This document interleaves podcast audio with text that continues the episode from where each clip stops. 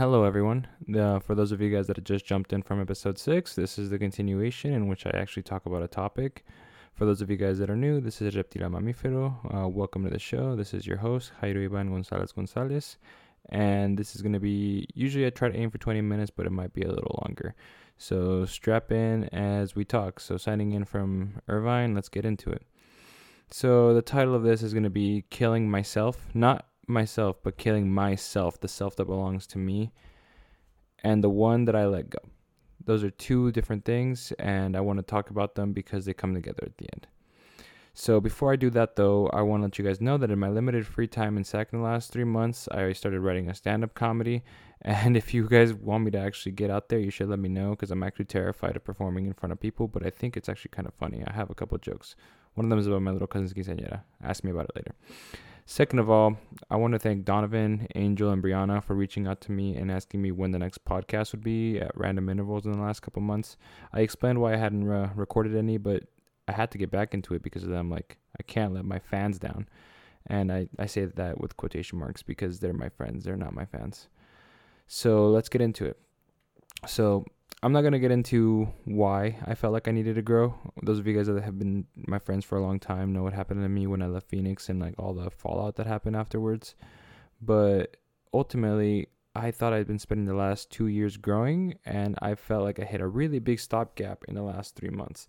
And ever since those three months, I've been thinking about all that I learned in the last um what 17 months ish.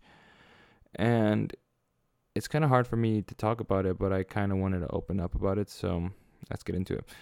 The first lesson is a little bit easier for me to bear. Um, you know, I was so desperate after all that happened that I didn't want to be the man that I was. I felt like I had to drown him. I had to just get rid of the man that I was and make an entirely new one from scratch. So for those of you guys that remember, I went on a really weird Tinder binge when I like got dumped and that was that was an adventure. I I met a lot of girls that I should not have gotten involved with that way. Some of them were probably not good for them. Some of them, um, I don't know. I woke up next to a dildo once, so like that was that was a really weird day. Um, kind of realigned my priorities for a bit. Ultimately, because of that whole shit, whole phase that I had, and the amount of like just female attention that I was getting, like first time in my life I was like getting talked to by more than like one girl at a time and I wasn't settling for like a like a girl that I didn't like all that much because I wanted attention and I was like damn I have this kind of pull. Yeah, I didn't need that kind of power. Like it was too much and I regret having opened myself up to it because I still think I'm the shit even though I'm probably like just like a little bit above average. I don't know. I mean, I'm not going to say I'm I'm shitty cuz I don't know, a woman would rather have me than some guy working at like a QuikTrip or something. Although I do love QuikTrip, so I don't know why I talk shit about it immediately. But I thought I was that. Then I started applying to grad school. I started, um, you know, working out. Like I lost like 40 pounds. Like I thought I was finally the shit. I thought I was going to just keep growing and growing and growing. But, you know, sometimes it really isn't that easy and I hit two walls. Um, the first one I hit back in March, and the one after that I hit in around April, early May. The first wall that I hit was in March. I realized I put in my actually no, it was in April. Sorry, I put in my submission for my university when I said, "All right, I'm going to University of California, Irvine," which is great, by the way. I love it here. And I had decided, damn, like I'm here, I did it, and it was like putting a little like cherry on top of a sundae or like finishing frosting your cake. Like I had spent so much effort building something and I had done building it. Granted, that's not true because now I, I'm writing a PhD and it's going to take me five years to build the next cake. But at the time, I was so excited. I was so happy. And I was like, well, you know, it's good to get out there. Let's fucking do it. But after that, I wasn't applying to school anymore. I wasn't preparing. I was just kind of there, I guess. It was just whatever. But I got into it and I started preparing and then I stopped around that time because I, I was prepared, right? I was ready to go. I can party a little bit. A couple weeks later and a little bit of a thing in the middle.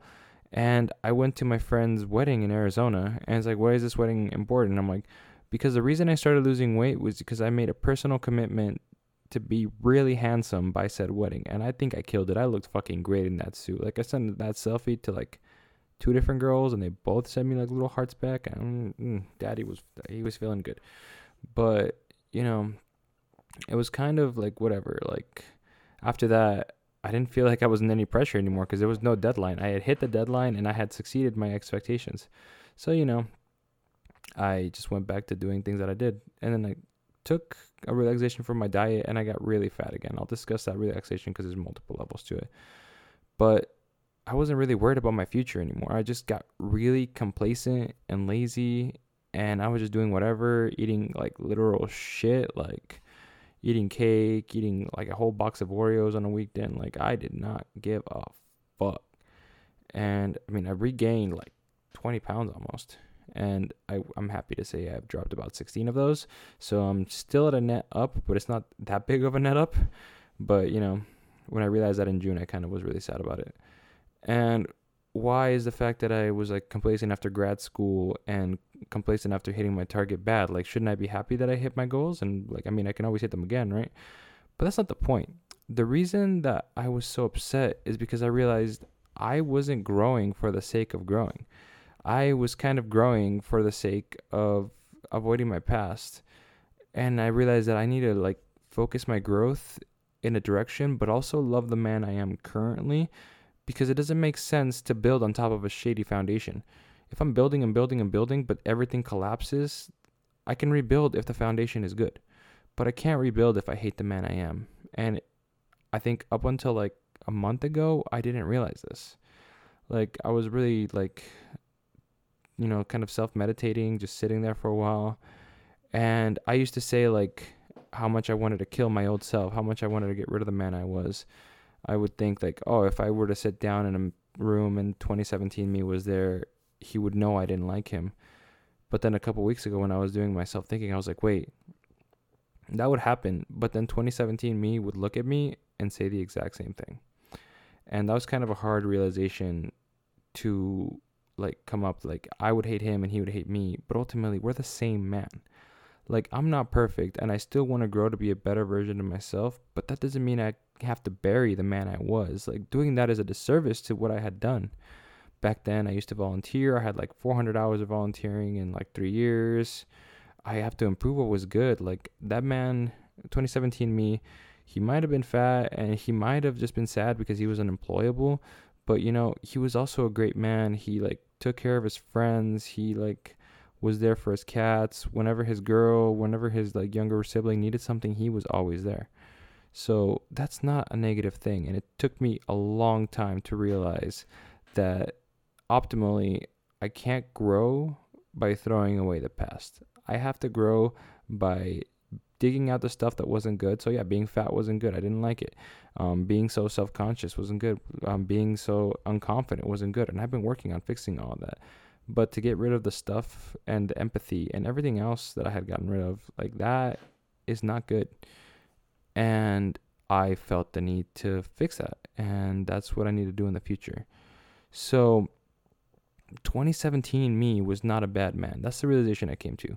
2019 me is not a bad man either, I hope. And I also hope that if 2021 me looks at this and like starts thinking like, "Hmm, how do I feel about 2019 me?" I hope he feels that I'm right and that I actually grew from it instead of just sitting there and pretending that everything is okay and posting like sentimental shit on Instagram for the likes. Like I don't need that validation. The validation is not good for me. I need to love myself. And that's the first lesson that I learned is change begins with me, but it should not begin by removing me. Excuse me. There is a good man here. I am a good man. And that's a good foundation, and I can build on it. But I need to grow directionally on top of said base. If I build, build, build, build right next to the man I was, what's that gonna do? Like, the second there's a hurricane, I'm left with only with the man I was. This, if all that's left is the concrete, I better have good concrete. So that's the first lesson that I learned. And it's kind of shitty to just drop it. Like, it, this should have been a happier podcast. But ultimately, I think it'll be happier at the end after we get through this next depressing part. So, the second part that I want to say is even kind of it's sad. And I'm not going to lie, I got kind of sad writing the script for this. And it took me a little bit of time to regain my composure. Is when I said that there was two stopgaps, there was the one in early March, April, where I got into grad school, and the one in late March, where sorry, in late April, where I went to the wedding. In the middle, I met this girl that I really, really liked, and I mean, I still, I feel like maybe I still have feelings for her in a way, but I can't manifest them. Um, I met her in March, and on that day, we just spoke for like three hours. I never once checked my phone. I was so excited. Like, I think about it like at the second, I don't have a single picture with her because every moment that I was with her, I was just enjoying the moment. I never once asked, hey, maybe we should take a picture together. Maybe, no, because we didn't need to. I was just happy to see her. And I mean, I really do think she was like the loveliest girl that I ever had a chance to meet.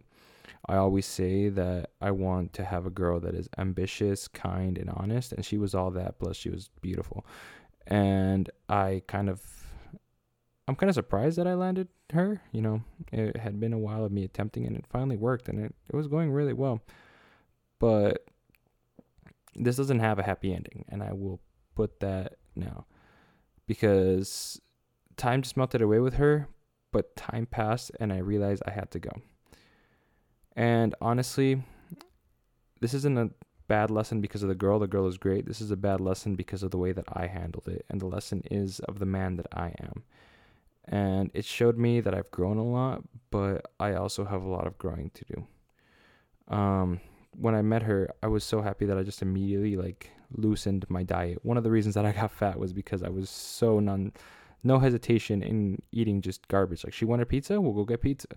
Immediately after that, she wants to go get ice cream. Oh hell yeah, I'll shove an ice cream in my face. Like there was no like me saying, "Oh, I don't, I shouldn't do this." I was like, it was at the moment I was just really happy, and I would do whatever just because you know I was. And sorry, I don't mean to sound kind of like I'm crying. Like all my deep breaths are coming because I'm also reading my script at the same time. Um, we hung out weekly ish for like once a week for like two straight months. Like that was what I would look forward to. We'd be talking 24 7 and it was great. I loved every second of it. But I don't want to air our business out. Um, she's great. I have no qualms against her. But at one point, I realized that we would not work because I was going to be 300 miles away and we didn't have the foundation, nor did I think we could build a foundation for us to remain together. And I say that not in a way that's like, I mean, it's obvious, like people that like just me and they're gonna move away it usually doesn't work. It already failed me once and i'm sure it'll fail me again. But ultimately i thought maybe it would be different at first because of how much i like this girl. But the truth of the matter is like she was a great girl but the opportunity was just there. And that's kind of the feeling i had to deal with. Like i felt like i found the right girl at the wrong time. And you know it happens. So I panicked and I basically ghosted her because I couldn't close things off like an adult. I couldn't bring myself to tell her, hey, like I'm still kind of emotionally vulnerable. Like I still have some trauma from the past that I'm still working on and I like you a lot, but I have to go. I couldn't do that. And the way that I did things was just awful because instead of talking to her about it, I sort of just basically ghosted her. Like I was still talking to her, but with less frequency, with less like kindness. And I don't know the reason that I heard her like I did that and I hurt her feelings and I regret that the most. Like I could have done it in the way where I wasn't a coward. So ultimately, what's the lesson here? Why why am I just giving you a sad story? And I wanted to reflect on this situation versus the one that happened to me in 2018 because both of them are similar, but the way I acted were different when I left Phoenix in 2018, I was like upset. I was like, I can't leave my friends. I can't leave my girl. I can't leave my family.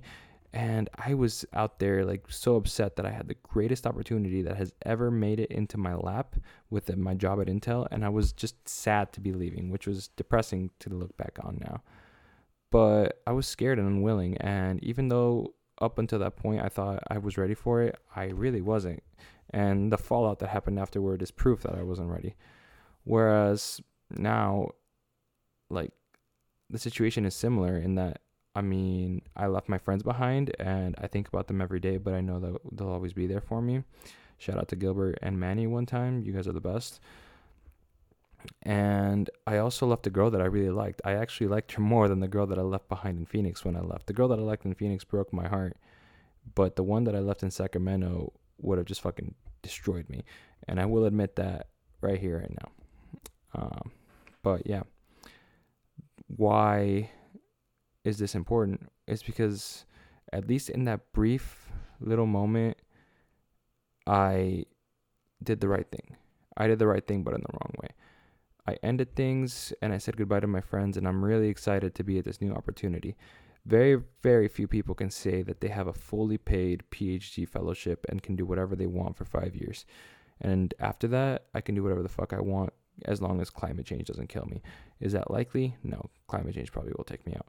However, I have to do the best for me, and the best for me was leaving her behind.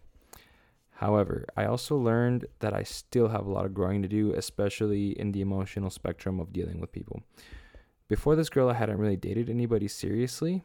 Um, I guess I, I mean, I had like maybe one thing in between, but like she and I didn't really date in that traditional sense. We were just really close, and uh, yeah. But I hadn't dated like that because I could just do whatever I wanted on Tinder. If I liked a girl, I could just maybe meet her a couple times and then never see her again. And that's how I operated for the longest time. But that's not good because I didn't really build any interpersonal relationships. The most interpersonal thing there was like, hey, when can I come over? Uh, or like, hey, like, let's make out at this party. Like, this, it's so shallow. So when I was confronted with a real moral quandary to be like, hey, I have to let this girl go, but I have to let her know that she's appreciated, I fucked up. And I will to this day, like if if I see that girl tomorrow, all I'm gonna be able to do is apologize because I fucked up. I shouldn't have hurt her, and that's what I did. But my road, my intentions were good, but the road to hell is paved with good intentions.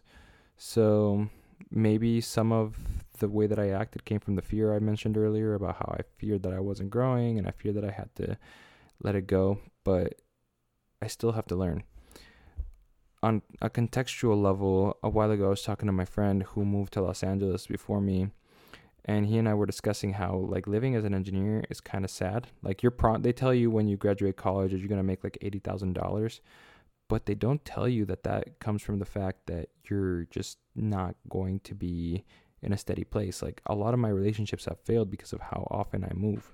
And I, one of the reasons I like grad school was because I'm going to be sitting here for five years and I can maybe build something good in the future.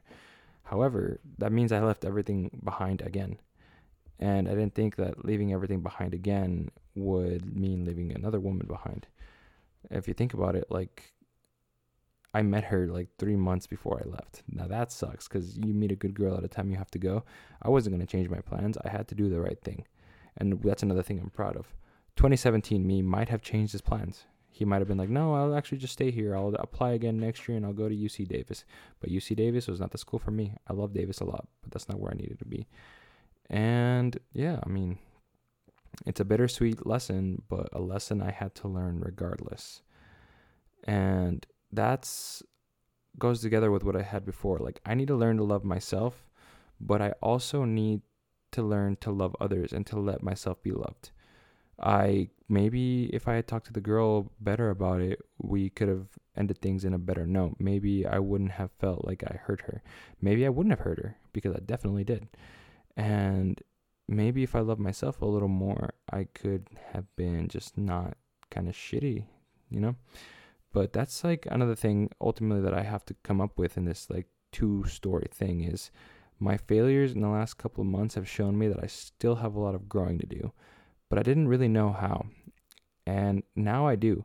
My growth has to come from me loving myself and learning how to love others and to let others love me in a healthy way, like in such a way that I can grow and I can help others grow. That's going to be my next goal for the next five years. I feel like academically, I'm at a good place. Like as a worker, I'm a hard ass worker. But as a friend, I can always grow. I have some of the best friends I've ever had, and I'm lucky to have ever met them. But I could always be better to be just like them. I mean, like the amount of help I received when I moved out, like as I said in the last episode, it was great. So many people offered me places to stay. I don't think that that happens to just anyone. Like I am a good man, but I can always be better. I want to be there for my loved ones and I need to be there for myself because the optimal version of myself is one that loves and one that is loved in a healthy way. Because let's be honest, the constant posting about myself is just it's just a fa- it's a farce. I need to learn to love myself without feeling like I need validation. I need to love others genuinely and to love fully. So that's the next part of my evolution. For the next however long I want to discuss this podcast, I want to know that I feel like I need to grow, and other people that feel that same can always reach out to me because ultimately life is hard. And if you don't love yourself, what are you doing? And if you don't let others love you, you don't get as much spice out of life. So that's today's evolution. That's what I want to discuss going from reptil to a mamífero. And so today I sign off from Irvine, California. I love you all, and I hope you have a good night. Thank you.